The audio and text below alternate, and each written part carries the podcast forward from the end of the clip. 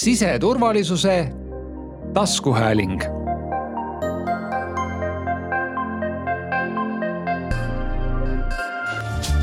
tere tulemast kuulama tänast podcasti. mul on külas siseministeeriumi innovatsiooninõunik Laura Aaben ja varade planeerimise tehnoloogia asekantsler Piret Lilleväli. ja me räägime innovatsioonist ja teenuste disainist siseministeeriumis ja selle haldusalas. Miks on üldse innovatsiooni riigisektoris vaja ja kuidas saaks ka siseturvalisuse valdkonnas inimeste elu lihtsamaks ja paindlikumaks muuta? tere teile! tere! tere, tere! no kuidas te kirjeldaksite ühe lausega, milline igapäevatöö on teie ametinimetuse taga? Piret äkki alustab? jaa, lühidalt võib öelda, et äh, ma haldan siseministeeriumi ja valitsemisala ressursse. Äh, need ressursid võivad olla rahalised, need võivad olla ka meie varad, aga samuti uued ideed on meie ressurss. ja mina tegelen siis äh, strateegia osakonnas, kuidas öelda, uutmoodi asjade tegemisega põhimõtteliselt, et minuni jõuavad kõigist meie asutustest inimesed, kes kes soovivad uutmoodi asju teha või otsida teistsuguseid lahendusi. Ja minu roll on siis selles neid äh, aidata, et ühelt poolt sellised uuendusmeelsed äh, protsessid käima lükata, aga teisalt võib-olla isegi veel olulisem, et et nad jõuaks ka päriselt ikkagi sellise praktikasse lahendusteni, et need ei jää lihtsalt ideedeks. no aga millega siseministeerium üldse igapäevaselt tegeleb? ja kui siseministeerium, siseministeerium on väga suur ja meie valitsemisala on suur, see on kokku ligi kümme tuhat inimest koos vabatahtlikega. ja ähm, noh, lihtne on ju öelda, et äh, sõna politsei, pääste, häirekeskus ja, ja, ja piirivalve, meie dokumendid ja identiteet, kõik see on siseministeeriumi ja tema valitsemisala vastutada lisaks äh, siseministeeriumis on võib-olla ka natuke vähem teada äh, rahvastikupoliitika, perepoliitika ja ka kodanikuühiskonna poliitika. Ja kui me räägime IT-süsteemidest, siis ma usun, et äh, ei ole teist valitsemisala, kus oleks nii palju IT-süsteeme. ja ma arvan, et üks olulisemaid Eesti riigis, nii-öelda Eesti IT-riigi süda, rahvastikuregister on samuti side, siseministeeriumis. nii et äh, kui me täna räägimegi innovatsioonist ja teenuste disainist siseministeeriumis, siis äh, teil neid suundi, kus seda rakendada, on oi kui palju. Aga kui nüüd äh, täpsemalt minnagi teemasse, siis no üldjuhul avalikku sektorit peetakse muutuste mõttes aeglaseks ja konservatiivseks. kas see on müüt või lükkate te selle ümber? ma ei tea, mulle tundub, et see on selline sihuke nii ja naa, et, et oleneb, millisest äh, ministeeriumist või asutusest äh, rääkida, on nagu igas valdkonnas on alati selliseid eesrindlikumaid, kes lähevad julgemalt äh, võib-olla ees. ja, ja teisi, kes tulevad veidi hiljem järele. et äh, üldises plaanis mulle tundub, et võrreldes näiteks muu maailmaga on Eesti avalik sektor ikkagi võrdlemisi selline. ma ei ütleks, et nii konservatiivne ja kindlasti meie valdkonna kohta ma kohe kindlasti ei ütleks, et me oleme konservatiivsed, et, et võib-olla selline turvalisuse teemad, et kui me mõtlemegi päästele või politseile või sellistele või piiri valvamisele, et need tunduvad kõik siuksed hästi noh, hästi rangelt reguleeritud, mida nad ongi. Aga, aga seal on palju sellist või meie valitsemisalas õnneks töötab palju ka selliseid inimesi, kes noh, on valmis ka tegema asju teistmoodi või mõtlema, et kuidas me saame paremini, kuidas me saame tehnoloogiat ära kasutada, kuidas me teeme nii, et me ei raiska ressursse, äh, kuidas sellist hästi operatiivset, äh, kiiret mõtlemist on, on palju. Ma olen sinuga täiesti nõus, et see on nii ja naa, aga ma ikka tuletan meelde, et äh, mis on olnud siin Eestis nagu selle e-veduriks tegelikult on e-riik olnud see e-vedur hästi suures osas ja seda me ka ekspordime välja, nii et selles mõttes on Laural õigus, et kui me võrdleme ennast paljudega maailmas, siis kindlasti me väga konservatiivne ei ole. et vastupidi äh,, väga paljudes riikides vaadatakse isegi natukene nagu ehmunult, et kuhu me omadega oleme läinud. loomulikult alati on see, et et on neid, kes tahavad kogu aeg kiiremini uuemaid asju, muudatusi, et äh, nii-öelda, kes jooksevad ees. ja on neid, kes, inimesi, kes tahavad, et asjad oleksid nii, nagu nad on, konservatiivselt, rahulikult ja kes ei taha kaasa joosta kõikide muudatustega. ja vot riigi roll ongi siin selline, et riik peab arvestama nende kõigiga. me ei saa endale, me ei vali endale kliente, eks ole, vaid me, me, me peame olema kõikide jaoks, ehk teisisõnu, et et kui paljud inimesed on nagu läbematud, et miks see dokumentide taotlemine ja, ja miks te neid koju ei saada ja miks, kas ei saa kõike teha elektrooniliselt, siis, siis teised inimesed järjekindlalt tahavad ikkagi äh, politseimajja kohale minna, et oma dokumente taotleda. Ja nad teevad seda kindlasti ja nad ei taha mingeid e-lahendusi. Ja meie peame seda, kogu seda, seda nii-öelda skaalat täitma, et see võib olla riigile mõnikord nagu keeruline küll. Et ja, ja teeb ka asja kulukamaks sageli, eks, et rahuldada kõiki vajadusi. no aga miks üldse selles siseturvalisuse valdkonnas peaks katsetama ja julgem olema? no ma arvan, et üks asi on see, et äh, meil on hästi oluline, et me mõjutame inimesi, mõjutame protsesse. ja, ja ükski, ükski asi ei tööta igavesti. et kui me nüüd võtame mingisugune, ma ei tea, kakskümmend aastat tagasi, siis ma mäletan, oli noh, näiteks liiklussurmade arv oli meil noh, ikkagi nagu väga kurb pilt oli ja kuidas sa siis sellest nagu, kuidas sa seda numbrit alla saad?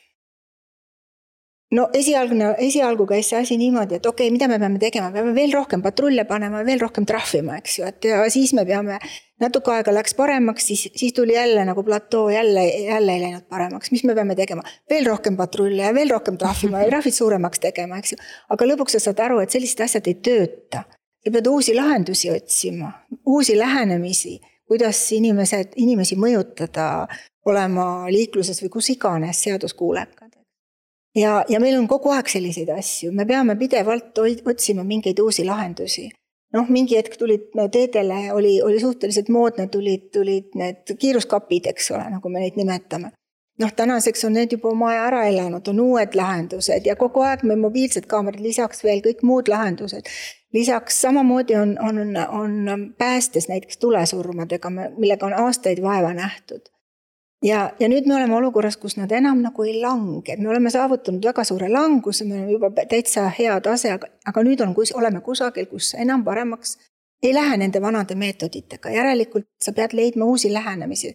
pead aru saama, milles see viga seal on või milles see probleem on, kuidas, kuidas sa pead uuesti lähe-, teistmoodi lähenema, et see on hästi oluline meie, meie töös, sest me, me peame kogu aeg peame olema muutustes ja muutustega kaasas mm. -hmm. ja Piret mainiski seda mm, ka tulesurmade näidet, et, et tõesti, see on üks ka selline teema, mis praegu on näiteks minu laual, millega mina tegelen. ja siin me oleme ka täpselt selle nagu probleemi enda jaoks püstitanudki nii, et tõesti, et viimane selline suur langus tulesurmades, kus tõesti kaks korda vähenesid tulesurmad oligi kuskil kümme aastat tagasi, kui me Eestis võtsime kasutusele nii-öelda suitsuandurid, mis muutusid kohustuslikuks ja Päästeamet hakkas tegema kodukülastusi, ehk siis neid äh, kõrge riskiga kodudes käis nii-öelda nõu andmas ja, ja vaatamas, et seal äh, saaks asjad paremaks. ja, ja see oli väga sellise suure mõjuga muudatus ja, ja tohutult tulesurmad äh, vähenesid.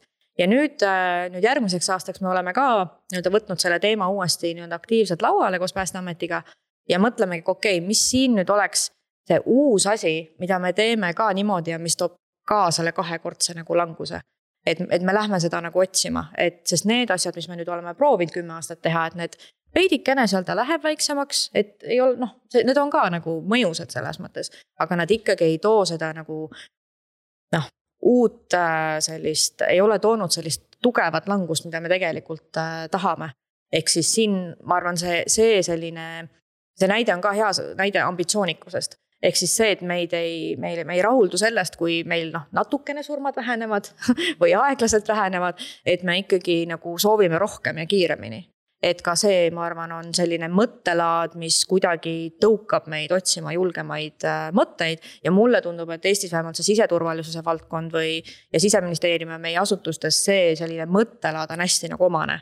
et, et minna nagu olla ambitsioonikas mõelda kastist välja. just, mõelda kastist välja ja nagu, kui mingi asi tundubki nagu, et ma ei tea, et kas me nagu et, et pigem mulle tundub, et isegi rohkem on seda, kui keegi pakub liiga nagu niisuguseid, nagu alati on tehtud, siis selle kohta öeldakse nagu, et mõtle kastist Kule, välja. kas tõesti, et kas tõesti nagu nagu meil uusi ideid ei ole, et mm, -hmm. et, et see nagu kuidagi see mõttelaad soosib ka nagu väga palju seda teistmoodi uute lahenduste otsimist. ja kindlasti üks põhjus, miks me peame uusi lahendusi leidma, on ka see, et äh, ressursipuudus ja eelkõige inimressursi puudus, et me ei saa igale poole inimest panna.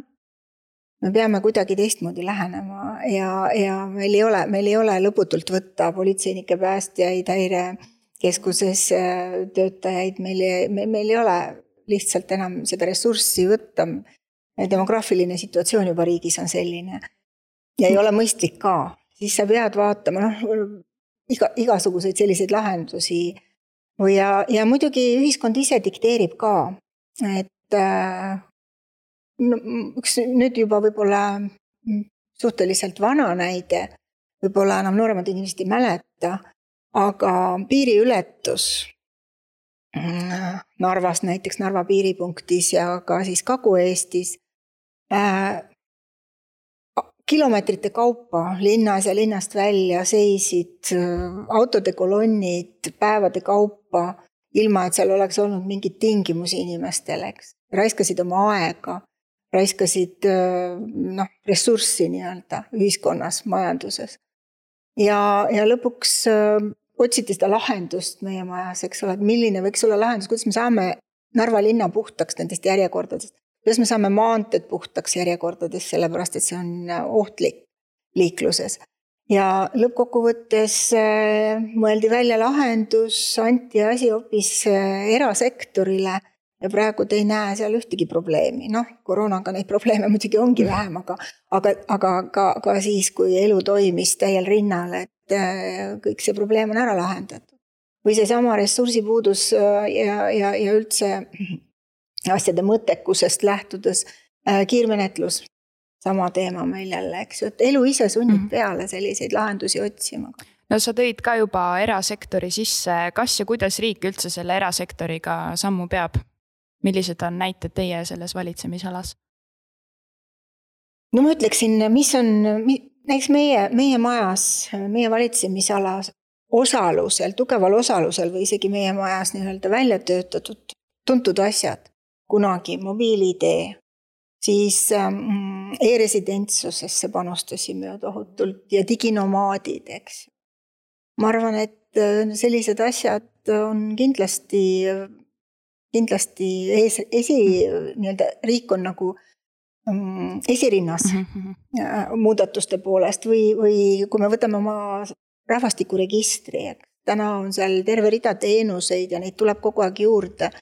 Et äh, mida saame teha juba, juba kohe läbi registri ise, me ei pea kusagile kohale minema, me ei pea suhtlema ametnikega.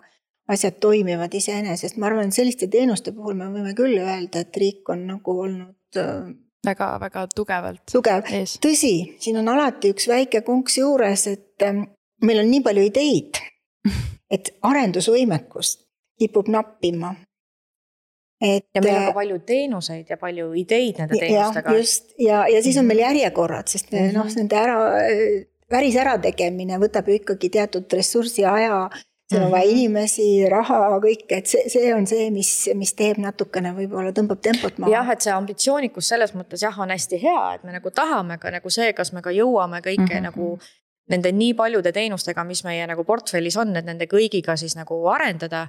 Et, et, et see võib-olla on jah, võib-olla asi, mis vahepeal tekib nagu frustratsioon, et tahaks veel kiiremini minna, aga, aga lihtsalt ka mingisugune enda jaks ei käi nagu üle, et nii palju teha. aga mis veel erasektori kohta võib-olla mainida on see, et äh, ma arvan, et erasektor nagu mu, kuigi Piret enne ütles ka väga hästi, et kui me mõtleme e-teenustele, et siin tõesti nagu riik isegi on olnud see, kes on selle tee nagu rajanud ja, ja loonud inimestele need ootused, on ju. Hästi palju Maksu- ja Tolliamet, kui me räägime tulude deklareerimisest, ma arvan, see on paljude Eesti inimeste jaoks selline nagu standard mm -hmm. heast digitaalsest teenusest, kus riik on mingisuguse muidu väga keerulise asja, mis paljudes riikides on väga-väga keeruline inimestele oma tulusid deklareerida, teinud nagu nii lihtsaks, mugavaks. ja ma arvan, et see isegi, ma arvan, Eestis lõi sihukese nagu pani niisuguse lati nagu väga kõrgele, mitte ainult siis nii-öelda riigisektoris, vaid ka erasektoris ja kui me mõtleme kõik pangad, äh, telekommunikatsioonifirmad, et kõik, mis nemad nagu inimestele sihukeses igapäevases mugavuses nagu pakuvad. see paratamatult tekitab ka riigiteenustele mingeid ootusi, et, et me ei jääks maha, et äh, noh, üks võib-olla, mis meil, ma arvan, on inimestele kõige nähtavam teenus, ongi see passi ID-kaardi siis selline nagu uuendamine või, või saamine, et et, et see kindlasti on üks selline teenus, kus on hästi palju neid püütud äh, sisse tuua kõiki neid ootusi, mis inimestel on, et et kunagi, kui Tammsaare seal majas olid ka ikkagi need väga pikad järjekorrad, et täna me ikkagi näeme neid võrdlemisi nagu harva. või kes on Tammsaare seal hiljuti käinud, seal on ka see, see boks selline, mis on see, neil on mingi nimetus ka selleks, mingi identiteediboks, ma ei, ma ei mäleta, mis selle asja nimi oli vabandan PPA inimestele, et mul ei tule selle asja nimi meelde. aga noh, kus on ka, sa lähed sisse ja tegelikult sa annad seal oma sõrmejälje, teed pildi ära, noh, kõik, kõik asjad tegelikult saad kaardiga kõik ära maksta selle riigilõivu. ja, ja sul ei olegi väga palju rohkem seal vaja nagu teha, käid korra seal nii-öelda seal letis ka ära, näitad oma nägu ja, ja ongi asi nagu tehtud. ja järjekord on elektrooniline. järjekord on elektrooniline sa saad broneerida omale seal aega, et noh, et kõiki neid selliseid asju, noh, nüüd on ka see iseteenindus loodud, mida pidevalt arendatakse nagu paremaks, äh, kuhu läheb palju ressurssi, et. et, äh, et ikkagi jah, see nii-öelda ambitsioonikus on äh, suur ja, ja ja nii-öelda jõudlust pidi nagu kogu aeg teeme ikkagi neid nagu paremaks. no ma pean ikka ütlema, et nii-nii põnev on seda kõike kuulata, et arvasin küll, et tean siseministeeriumis noh, et kes seal on, on ju, millega tegeletakse aga praegu teie juttu kuulates ma ütleks, et äh, hästi palju võtab seda tähelepanu ilmselt teilt ära see, et kõik politsei ja pääste on meil nii tugevad eraldiseisvad üksused. et üldse ei äh, mõtle, et seal taga on ka tegelikult teie väga-väga suur töö ja ma arvan, ma pole üldse ainuke, kes nii mõtleb. ja, ja ministeeriumi roll on muidugi, hästi suur roll on, et kõik need muudatused, mis ellu viiakse või mida me teha tahame. Eh, et ka õigusruumis mm -hmm. me saaks jah, et need, et, et see toimiks ka õigusruumis, et hästi paljud muudatused tegelikult nõuavad mingisugust muudatust õigusruumis. hästi paljud arendused, uued ideed nõuavad seda ja see tähendabki seda, et ministeerium peab selle töö ära tegema. ja, ja ressursid ka väga palju, ütleme raha.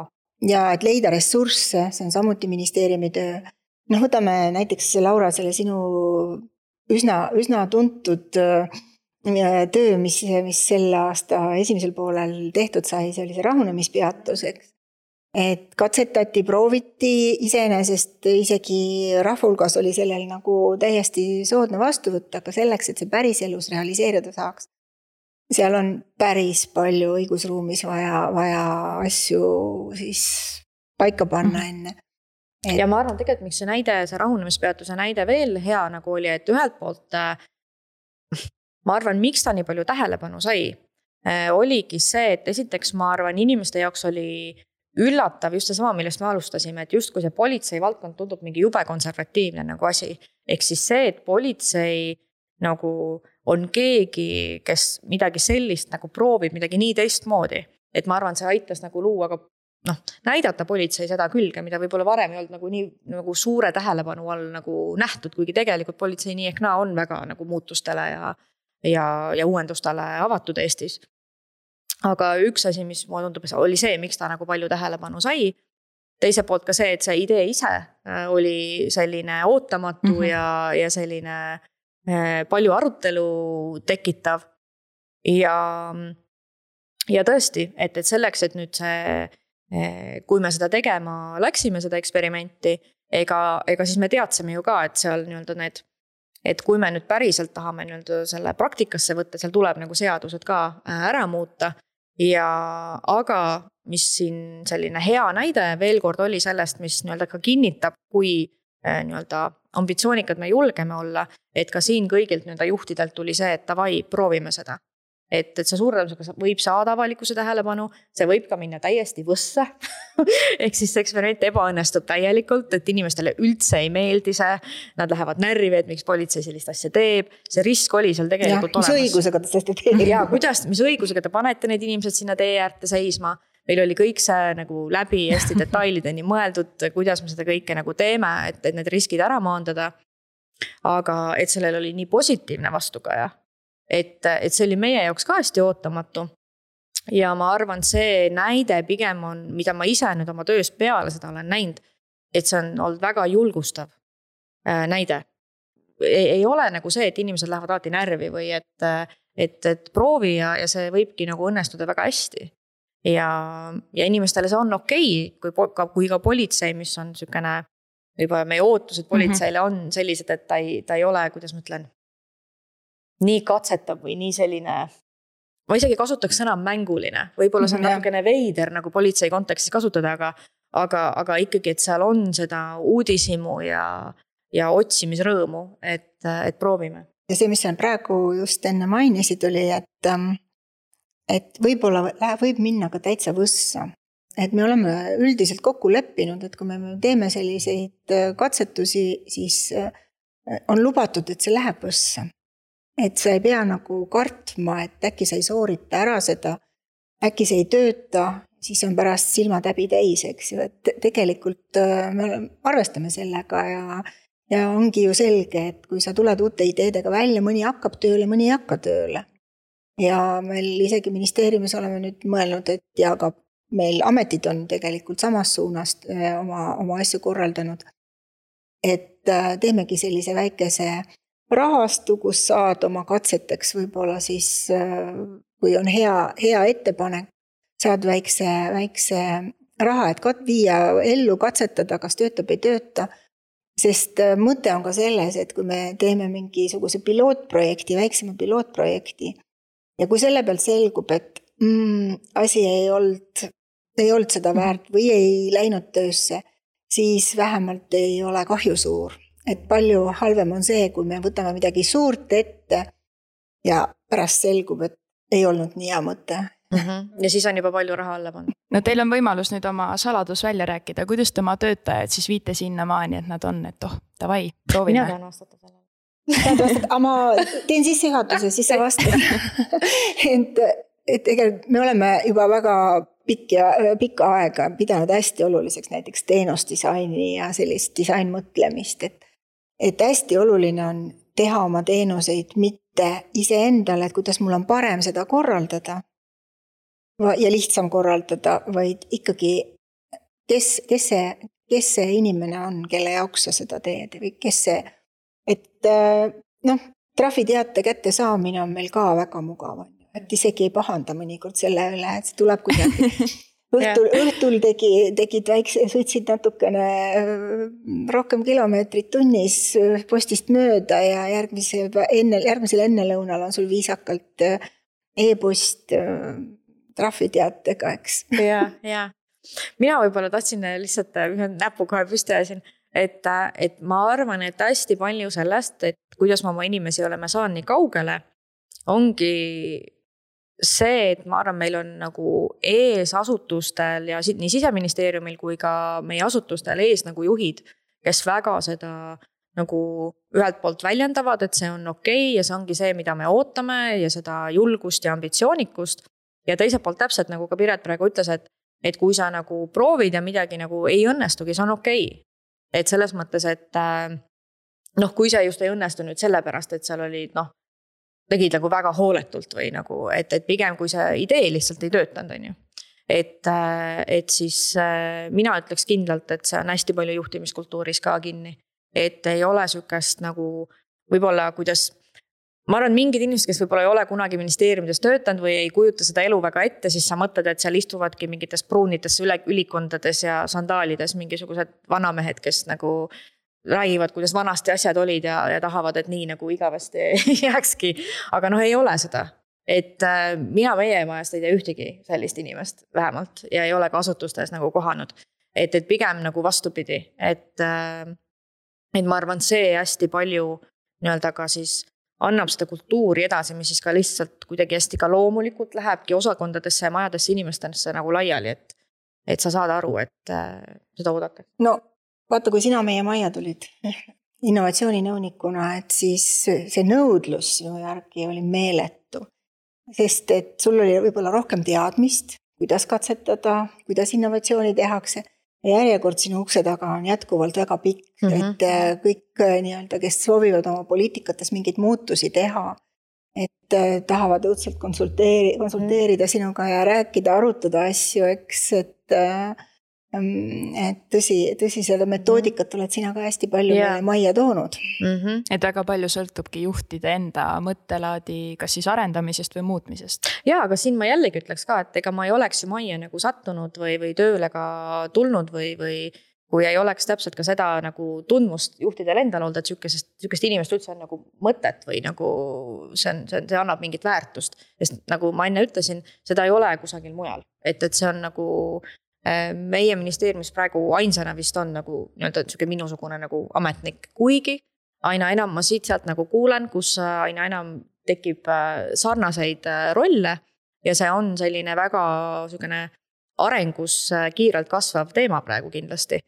ja ma arvan, ma julgeks nagu arvata, et ikkagi me mingid teerajajad siin oleme ja, ja Venju. ütleme niimoodi, et äh, ärme unusta ära, et nüüd on riigis ka Innotiim. ja Innotiim on ka jah. et. mis on Riigikantselei alla loodud siis selline innovatsiooniüksus, ehm, mis siis äh, ka erinevate riigiasutuste siis ametnikke kaasab sellistesse innovatsiooniprogrammidesse, kus kuueks kuni üheksaks kuuks võetakse, siis luuakse mitmest ministeeriumist selline meeskond, kes siis hakkab mõnda hästi kindlat probleemi näiteks lahendama ja selle rahunemispeatuse me tegime täpselt selles samas nagu äh, protsessis. ja, ja nüüd uuest aastast siis äh, Päästeametiga lähme selle otsima sinna lahendust nendele tulesurmadele. et, äh, et see ka kindlasti on väga palju kaasa, kaasa aidanud no me rääkisime sellest, et juhid mõjutavad kindlasti väga palju, aga on teil ka võib-olla mingit konkreetset nippi tuua, et kuidas siis teie seal oma ministeeriumis julgustate tõesti neid inimesi olema ambitsioonikamad? Mina mina vähemalt oma töös olen võtnud selle, et, et ühelt poolt jah, võib rääkida ja koolitada ja nagu kõiki neid nagu asju koos teha. aga mulle tundub, et kõige paremini müüvad või nagu veenavad ikkagi konkreetsed ära tehtud nagu mingisugused näited või projektid. no päriselt mingi asja tegime ära, mis näitab, et see on tehtav. ehk siis sa näitad, et meie sü süsteemis, meie inimeste, meie rahadega, meie võimalustega on võimalik asju teha. ja see kuidagi nagu äh, siis nii-öelda näitab, et võib-olla tõesti, et äkki peaks ka nagu proovima. ja, ja, ja meil on tegelikult ukse taga järjekorras terve rida teemasid, mida me tahame nüüd ka uuel aastal, uuel aastal rohkem, rohkem, millele tahame pühenduda. et no näiteks üks asi, mis meil, mis meil loodetavasti järgmisel aastal võib-olla hoogu juurde saab. praegu meil on selline ka, kaitseministeeriumiga koostöös selline asi nagu roheaudit. ehk teisisõnu, me mõlemad valitsemisalad, nii kaitseministeerium kui siseministeerium, on hästi ressursimahukad selles mõttes, et meil on palju transporti ja sellist, ütleme, ja autod, ühesõnaga kohad, mis võt-, see, mis võtab täna palju võib-olla fossiilset kütust mm -hmm. ja, ja kõik, kõik, no ühesõnaga ei ole võib-olla kõige, kõige loodussõbralikum, keskkonnasõbralikum ja me teeme sellise auditi, mm, kus me siis vaatame, kus on need kõige suuremad kohad, kus meil on võimalik hakata muutust tooma, et siis ka anda oma panus äh, kliimaeesmärki.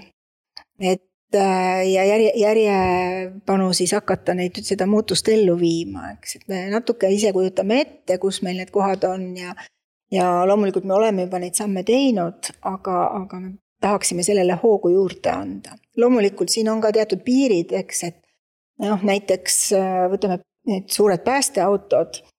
noh, täna ei ole, ei ole maailmas olemas sellist elektrilist päästeautot, mida saaks kasutusele võtta. lihtsalt ei ole. ei no tavalisi sõidukeid sa saad, aga mm., aga noh, mõned väga erisõidukitega on see keeruline küll juba mingi prototüüp sellisest päästeautost on olemas, aga ma nüüd ei ole väga kindel, et esialgu on mõistlik tormata seda väga kallist asja ostma mm. -hmm. et kindlasti on vaja vaadata, et, et oleks ikkagi nagu annaks efekti. ja oleks äh, väga töökindel ka.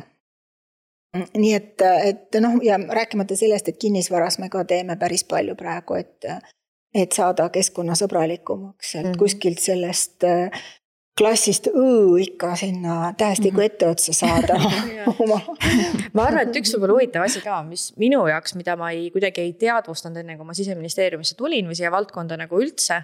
ja ma arvan, paljud ka ei mõtle, kui palju tegelikult meie valitsemisalas on asju mm -hmm., noh sarnaselt kaitseministeeriumile, et tõesti neid autosid, majasid, kaitsevarustust, noh mida iganes. reaalselt, mis on päästjatel, politsei, noh kiivrid äh,, relvad.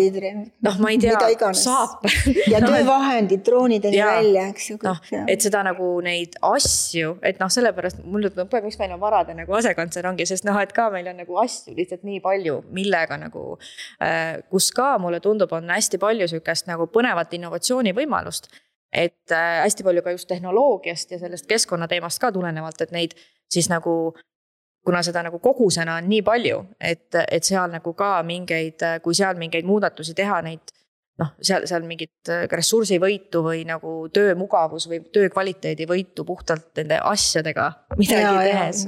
tehnoloogiatega kaasaminek on meie jaoks hästi oluline mm. -hmm meil on ka terve rida teenuseid, mis võib-olla ei paista inimesele silma, piiri valvamise, valvamine ja mm. nii edasi et me ikkagi liigume seal ka järjest rohkem, järjest rohkem äh, siis seiresüsteemidele ja. või noh, kasvõi näiteks ja. see, et kui inimene helistab, praegu me oleme harjunud üks, üks, kahte helistama ja rääkida telefoni, on ju aga noh, tulevikus me loodetavasti saame teha ka videokõnesid häirekeskusesse, on ju, et sa saadki juba koha peal, näiteks sul maja nagu põleb ja, ja kui seal on võimalik sellel komando siis nagu äh, juhil nagu siis helistada ja noh, ütleme juba see inimene, kes on juba kohapeal, võib-olla see, kui see on kuskil kauges kohas. nagu komandol võtab aega sinna jõuda, võib-olla mingi kakskümmend minutit, siis noh, tegelikult see, nad saavad juba läbi videopildi siis näha mis seal tegelikult toimub, äh, kes juba seal on mm -hmm. nagu kohapeal. Äh, näiteks või droone selleks kasutada, mis siis nagu saavad kuidagi kiiremini lennata ja vaadata, mis seal täpselt siis nagu toimub, et paremini olla valmis kui nad kohale jõuavad, kiiremini tegutsema hakata. et noh, kõiki selliseid nagu inimeste otsimine kuskilt metsas soojuskaameratega, mis iganes, et, et hästi palju on meil sellist tehnilist äh, stuff'i, mida on vaja, vaja ka pidevalt äh, uuendada ja, ja, ja olla siis nagu tehnoloogiatega mm -hmm. kursis, et see on hästi. võib-olla üks näide, mis ma enne juba tahtsin ka mainida, mis võib-olla minu jaoks ka illustreerib seda, kui me rääkisime ka sellist nagu mõtlemis nagu ambitsioonikusest või julgusest, et äh, mul siin eelmine aasta oli ka, eh, meil Päästeametiga tegime ühte nagu workshop'i. ja, ja siis neil oli ka selline ülesande püstitus oli seesama teema, millest Piret enne rääkis, et meil jääb ressurssi vähemaks, et suure tõenäosusega tulevikus meil on vähem politseinikke, vähem päästjaid. sest lihtsalt meil Eestis ei jagu inimesi nagu kõigeks ja nii palju. ja, ja parem on selleks valmis olla, et mõelda, et okei okay,, mis me siis nagu teeme ja, ja neil ka siis üks selline mõtteharjutus oli, millega nad nagu mängisid, oligi, et noh, kuidas me nagu kuidas nagu päästekomando nagu töötab, kui seal on poole vähem mehi kui täna, on ju. Et, et kuidas sa samu asju nagu teed ja siis noh, olimegi, mõtlesime seal igasugu erinevaid nagu asju nagu välja. ja üks selline mõte, milleni nad nagu ise kuidagi jõudsid, eh, oli siis see, et aga et miks me täna üldse räägime, et, et komando või see, see maja on nagu ühe koha peal sest tegelikult me ju näeme, et inimeste paiknemine muutub, on ju, et, et kas praegu need kohad, kus me statsionaarselt oleme ühe koha peal, kas see on üldse nagu mõistlik? Ja, ja siis nad omavahel seda arutasid, et aga äkki meil peaks üldse olema nagu mobiilsed komandod, ehk siis et komando ei ole miski, mis on ühes kohas, vaid ta pidevalt nagu liigub, et olla nagu õigemas kohas, seal, kus on nagu. suveks läheb veekogu äärde. suveks lähevad veekogu äärde või kus on metsa, need tulekahjuriskid suuremad, nad paiknevad hoopis seal. ja see, see oli hästi huvitav moment tegelikult selles workshop'is, sest et Nad ütlesid selle mõtte nagu välja ja siis tuli nagu väikene vaikus, sest ma tund-, mulle tundus, nad ise nagu ehmatasid ära sellest mõttest. et see on noh, sest see on midagi nii teistmoodi mm, -hmm. sest ajalooliselt noh, ka näiteks politseil ja päästel on väga pikk ajalugu. ja noh, see, ma arvan, ka mõjutab hästi palju meie siukseid teemasid, kus mingid asjad ka ajalooliselt on nii kuidagi loomulikud ja päästekomandod on näiteks need majad, et majadel on, nad on ka osa arhitektuuri nagu pärandist äh, paljudes piirkondades, on ju et, et mõte sellest, et issand, meil ei olegi enam maja, vaid me nagu liigume mm, -hmm. et, et see, aga minul see, miks see moment mulle väga nagu meelde jäi, eh, oligi see, et nad, et nad nagu julgesid nii kaugele nagu minna oma mõtetega ja mingisse täiesti nagu teise kohta. et äh, eks paistab, mis nad selle mõttega nüüd edasi teevad, et mulle tundub, et natuke. see peab natukene sees. see peab sättima, et noh, see ei olegi nagu, et täna-homme teeme, on ju, aga, aga lihtsalt näide ähm, mõtlemisest et, et tõesti on võimalik midagi ka täiesti teistsugust äh, välja mõelda. ja üks valdkond, kus meil on nagu jälle me oot-, me, meil, meil nii-öelda uksed on ainult praokil ja kust me teame, et me peame sisse astuma ja seal hakkab midagi juhtuma mm, -hmm. on mhm. tehisintellekt.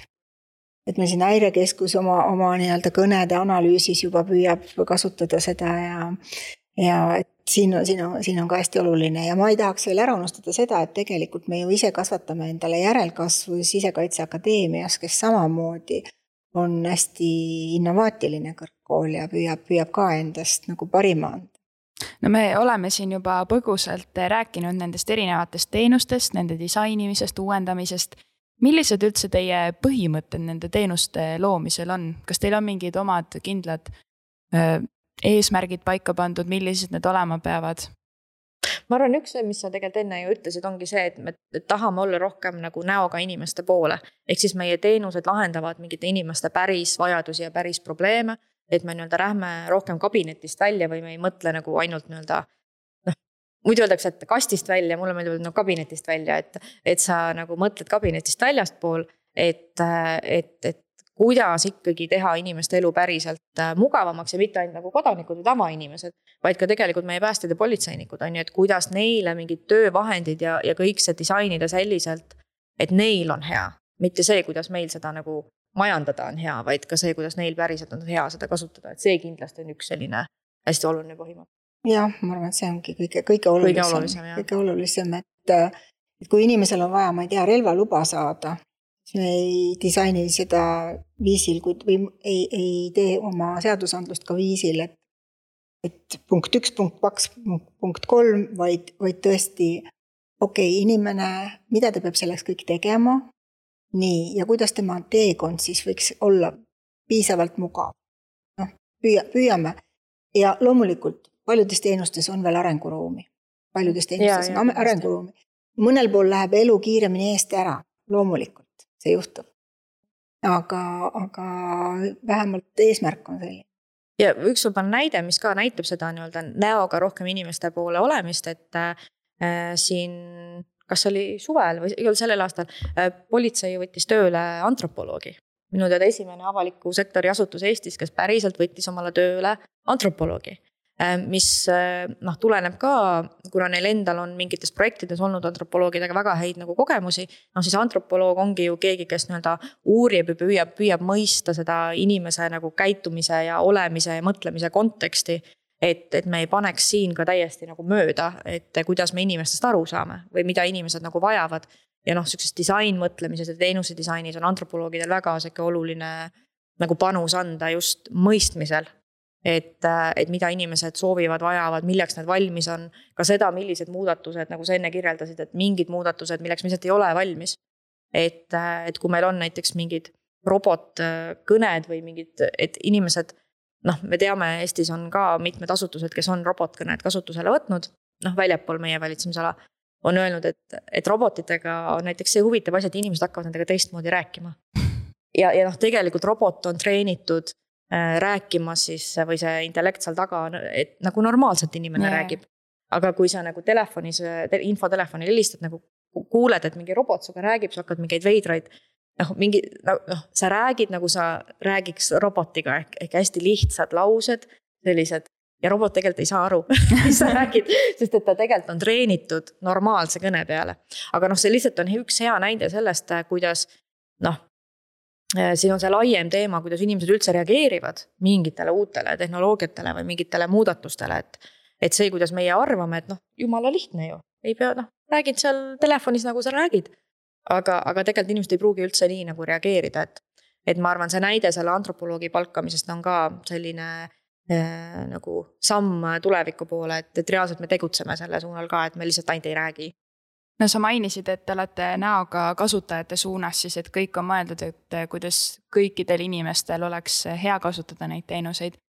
aga no teada-tuntud on ju see, kui inimesed on mingis valdkonnas väga sees ja nad on spetsialistid, siis nende mõistmine nendest asjadest on hoopis teistsugune ja te mainisite ka, et teil on see juriidiline pool väga tugevalt töös sees.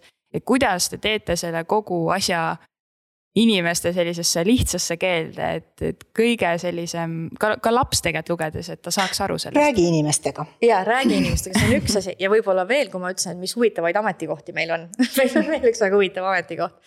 on see, et meil tegelikult õigusosakonnas on ju keele, keeleinimene. keelenõunik, jah. keelenõunik, kelle nagu tema roll ongi see, et, et meie nagu juriidika või see, kuidas me kirjutame nii-öelda kas õigustekste ja seadusi. jubedat bürokraatlikku teksti. just, jubedat bürokraatlikku teksti, täpselt. et me seda nagu vähendaks, et tema on sihuke nihuke meie sihuke keele keeletark, kes siis nagu. püüab meid kõiki harida just selles, et ära, ära moodusta selliseid keerulisi lauseid, mis sulle tunduvad targad, vaid sa mm -hmm. saad seda väga lihtsalt öelda, sedasama mõtet. ja, ja, et ära loetle inimesele lihtsalt neid seaduspunkte nagu mm, -hmm. vaid ütle nagu, mis sa talle päriselt öelda tahad, et jah või ei või võib-olla, et. et, et, et see võib-olla on ka hea näide no te teete nii palju erinevaid asju, disainite väga palju erinevaid teenuseid. kas vahel te mõtlete ka, et okei okay,, et need mingid asjad võiks nüüd anda erasektorile või kuhugi kellegi kätte mujale, et, et ei ole vaja ministeeriumil nii palju seda vastutust kanda? jaa mm, -hmm. ja et see list ikka meil on olemas, kas on, on ja mõned asjad lihtsalt aeg-ajalt põrkuvad millegi taha, ei lähe nii ruttu mm. -hmm pleki mõlkimised näiteks. ja, et anda kindlustusfirmadele mm. täiesti üle, et ei tule alati politsei kohale. ja, et äh, kui mm -hmm. me teeme väikse kõksu kahekesi ja mõlemad saame aru, milles probleem oli ja lepime kokku, et ei ole vaja tülitada politseid selliste mm. asjadega, et siin kindlustusfirmad ise toimetavad. noh, mingid asjad, ma saan aru, on ka nende nagu turvafirmadega, mingite ja, asjadega, et. et noh, see täpselt tegelikult kõik ju tuletubki sellest probleemist, mida me enne mainisime, et meil jääb ressursse mm -hmm. nagu vähemaks. et mõelda mis on need spetsiifilised asjad, mida ei saa keegi teine teha peale politsei? ja ärgem unustagem, et meil on ju tegelikult väga palju vabatahtlikke mm. -hmm. nii abipolitseinikke kui ka, kui ka siis päästjaid, merepäästjaid, see on mhm. kodanikuühiskond, eks, keda me kaasame hästi tugevalt ja, ja kes on meie organisatsiooni osa ja, ja, ja üks, mis minul mingi päev oli üks niisugune taipamine nende abipolitseinike teemal. Ehm, ma ei mäleta, kust see nagu tuli, midagi seoses kas mingite USA uudistega, kui selle seal politseiga midagi oli.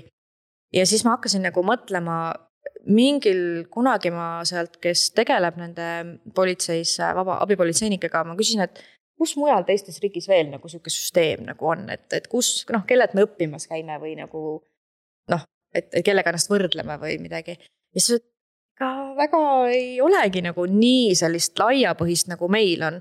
et, et mitmetes riikides on seda süsteemi, et näiteks mingites erisündmuste puhul või noh, võetakse inimesed lihtsalt nagu appi, on ju. Aga sellist nagu meil on, kus tegelikult tavakodanik saab politseisüsteemi nagu. paneb politsei vormi selga. paneb vormi selga. saab väljaõppe. saab väljaõppe ja nagu reaalselt osaleb nagu päriselt politseiniku igapäevases töös. sest et abipolitseinikud ei tee, ei ole ainult patrullis nii-öelda kaasas, nad ka nii-öelda igasugu muid asju saavad seal teha mm. -hmm. ka kontori poole peal ja, ja, ja tehnoloogia poole peal ja noh, mis nii-öelda oskused sellel abipolitseinikul on, sest püütakse talle leida see nii-öelda roll, et kuidas ta saaks kõige rohkem äh, aidata. et see tegelikult noh, minu meelest näitab selle meie politsei nagu tohutut avatust inimestele, et väga paljudes riikides ikkagi politsei on väga kinnine süsteem, kus sa ei saa väga ligi, ta on ikkagi kauge ja võõras. et meil see, et me, ma ei tea, Piret, sina võib-olla mäletad, kust see üldse nagu see mõte ja kunagi nagu tuli, see tegelikult on väga julge ja nagu avatud äh, mõtlemine ja ma arvan, see väga palju ka mõjutab seda, kuidas me Eesti inimestena, miks politsei usaldusväärsus on Eestis nii kõrge eriti kui me võrdleme teiste riikidega, kus siin noh, politsei on keegi, keda kardetakse või ei usaldata ja, ja kõik, et meil seda nagu muret üldse ei ole. ja kui me erasektorist räägime, siis tegelikult ma tahaks veel tuua siia meie infotehnoloogia pilti mm. -hmm. Et kuigi siseministeeriumi infotehnoloogia asutus on riigi suurim infotehnoloogia maja mm -hmm. või IT-maja, nagu me ütleme, siis sellegipoolest äh, arvestades kõiki neid süsteeme, mis meil on, me ikkagi ju ostame oma teenuse hästi palju ja delegeerime palju asju äh, siin ka IT vallas erasektori. ta on meil ikkagi partner täiega. jah, ja mulle väga meeldib äh, meie siis selle äh, IT-maja sihuke, neil on uus slogan või see uus hüüe, et IT, mis päästab elusid mm.. et, et mis, mis ka selles mõttes ega neil ju ka vaja nagu IT-sektorist nii-öelda töökäsi leida ja oma konkurentsi. ja eristuda kuidagi. just, ja eristuda kuidagi, et, et tõesti, et, et nende siis nii-öelda arendada on, on kõik meie need IT-teenused, mis päriselt päästavadki elusid ehk. Ehk mis, mis seal kõik politseiautos on, mis seal kõik äh, häirekeskuses, kuidas, kui see kõne sisse tuleb, et mida see, mida ta kõike seal nagu näeb ja, ja kui kiiresti selle inimese suudab kindlaks teha, kus see abivajaja on. noh, kõik, kõik, kõik need nagu süsteemid. no ütleme nii, et mina sain täna küll väga-väga palju targemaks, millega te ikkagi täpselt tegelete ja nagu ma aru saan, siis juttu jätkuks iga teema juures veel mitmeks-mitmeks tunniks, aga kas teil on lõpetuseks mingi mõte veel enda poolt kuulajatele öelda? Laura, sa võid öelda, miks sa tulid siseministeeriumisse tööle ma võin rääkida seda lugu küll jaa, sest et ma arvan, et see võib-olla ilmestab lihtsalt äh, ka võib-olla lõpetuseks tegelikult põhimõtteliselt seda kõike ka, mis me oleme rääkinud, et äh, ega minu taust, ma olin võrdlemisi kindel, et ma ei taha kunagi üheski ministeeriumis töötada. Just sellesama põhjuse pärast, mis me enne rääkisime, et nad tunduvad nii sellised konservatiivsed ja hästi nagu õigusele või juriidikale keskenduvad nagu majad või, või tööandjad või sellised nagu keskkonnad. aga kui ma neid oma eelmises töös nagu neid kokkupuuteid, mis mul oli siseministeeriumiga, nagu nägin täpselt seda kõike, noh, mitte nüüd seda kõike, siin tööl olles, mul saab varsti kaks aastat seda nagu avastusruumi siin on nagu kogu aeg, sest tõesti neid teemasid on palju ja asju, millest ma kuulen esimest korda või, või õpin pidevalt mingite Äh, uute süsteemide või asjade kohta, kuidas meil üldse asjad nagu käivad. mitte ministeeriumis, vaid laiemalt siseturvalisuses. siis see, see tekitas nii suurt uudishimu ja just nagu ka see nägemine, et on olemas ka juhid, kes väga tugevalt seda ise veavad, ise nagu jõudsalt ka tagant lükkavad, et, et me liiguks ja läheks ja, ja rohkem on jah-inimesi ja vähem neid nagu ei-inimesi, kes äh, suudavad alati leida mingi seaduspügala, miks jälle midagi teha ei saa. aga Piret, sinu mingid lõpumõtted? no ma võin juurde lisada, et äh, ma olen täiesti kindel, et äh, innovatsiooni tehakse täna juba väga-väga paljudes riigiasutustes. ja seda näitab võib-olla ka see asjaolu, et Innotiim, millest me rääkisime mõni aeg tagasi on läinud väga populaarseks, alguses ühinesid selle tööga mõned ministeeriumid, täna juba praktiliselt kõik. ja loodetavasti läheb see innotiim ka laienemisele, nii et, et seda vajadust, selle, selle vajaduse tunnetamist on, on enamustes riigiasutustes. Mhm, ehk siis see, mis me täna tegelikult rääkisime, ma arvan, et ühelt poolt jah, see kirjeldab seda tööd, mis, mis meie teeme ja meie oma majas kogeme aga see on ka, ka laiemalt see avaliku sektori selline äh, suund praegu, et ollakse rohkem sellele innovatsioonile ja teenuse disainile avatud. nähakse, et, et see on nagu potentsiaalikas, siin tasub nagu sinna, sealt tuleb uusi lahendusi. et, äh, et selles mõttes siin ka võib-olla inimestele, kes võib-olla avalikust sektorist mõtlevad, et see on, on selline igav koht, kus midagi tehtud ei saa et, äh, et võib-olla tõesti, kui sa startup'i maailmaga võrdled, siis, siis tõesti seal võib-olla nädalate ja kuudega tehakse asju, et, et meil noh, nii kiiresti päris kõik asjad alati ei käi. aga. aga mõju on suurem. jaa, aga mõju jälle on, on tõesti äh, oluliselt äh, suurem no ma usun ka, et äh, ka teistel ministeeriumitel on neid põnevaid lugusid ja ägedaid tegemisi aga teie jutu pealt ma võin kindlasti öelda, et siseministeerium tundub küll selline äge koht, kus saab isiklikult areneda ja viiagi riiklikul tasandil neid innovatsioone sisse, mis mõjutavad eh, kogu Eestit tegelikult mm. -hmm. aga aitäh, et te tulite ja oma tegemisi ja uusi ideid siin podcast'is jagasite. aitäh. aitäh. siseturvalisuse taskuhääling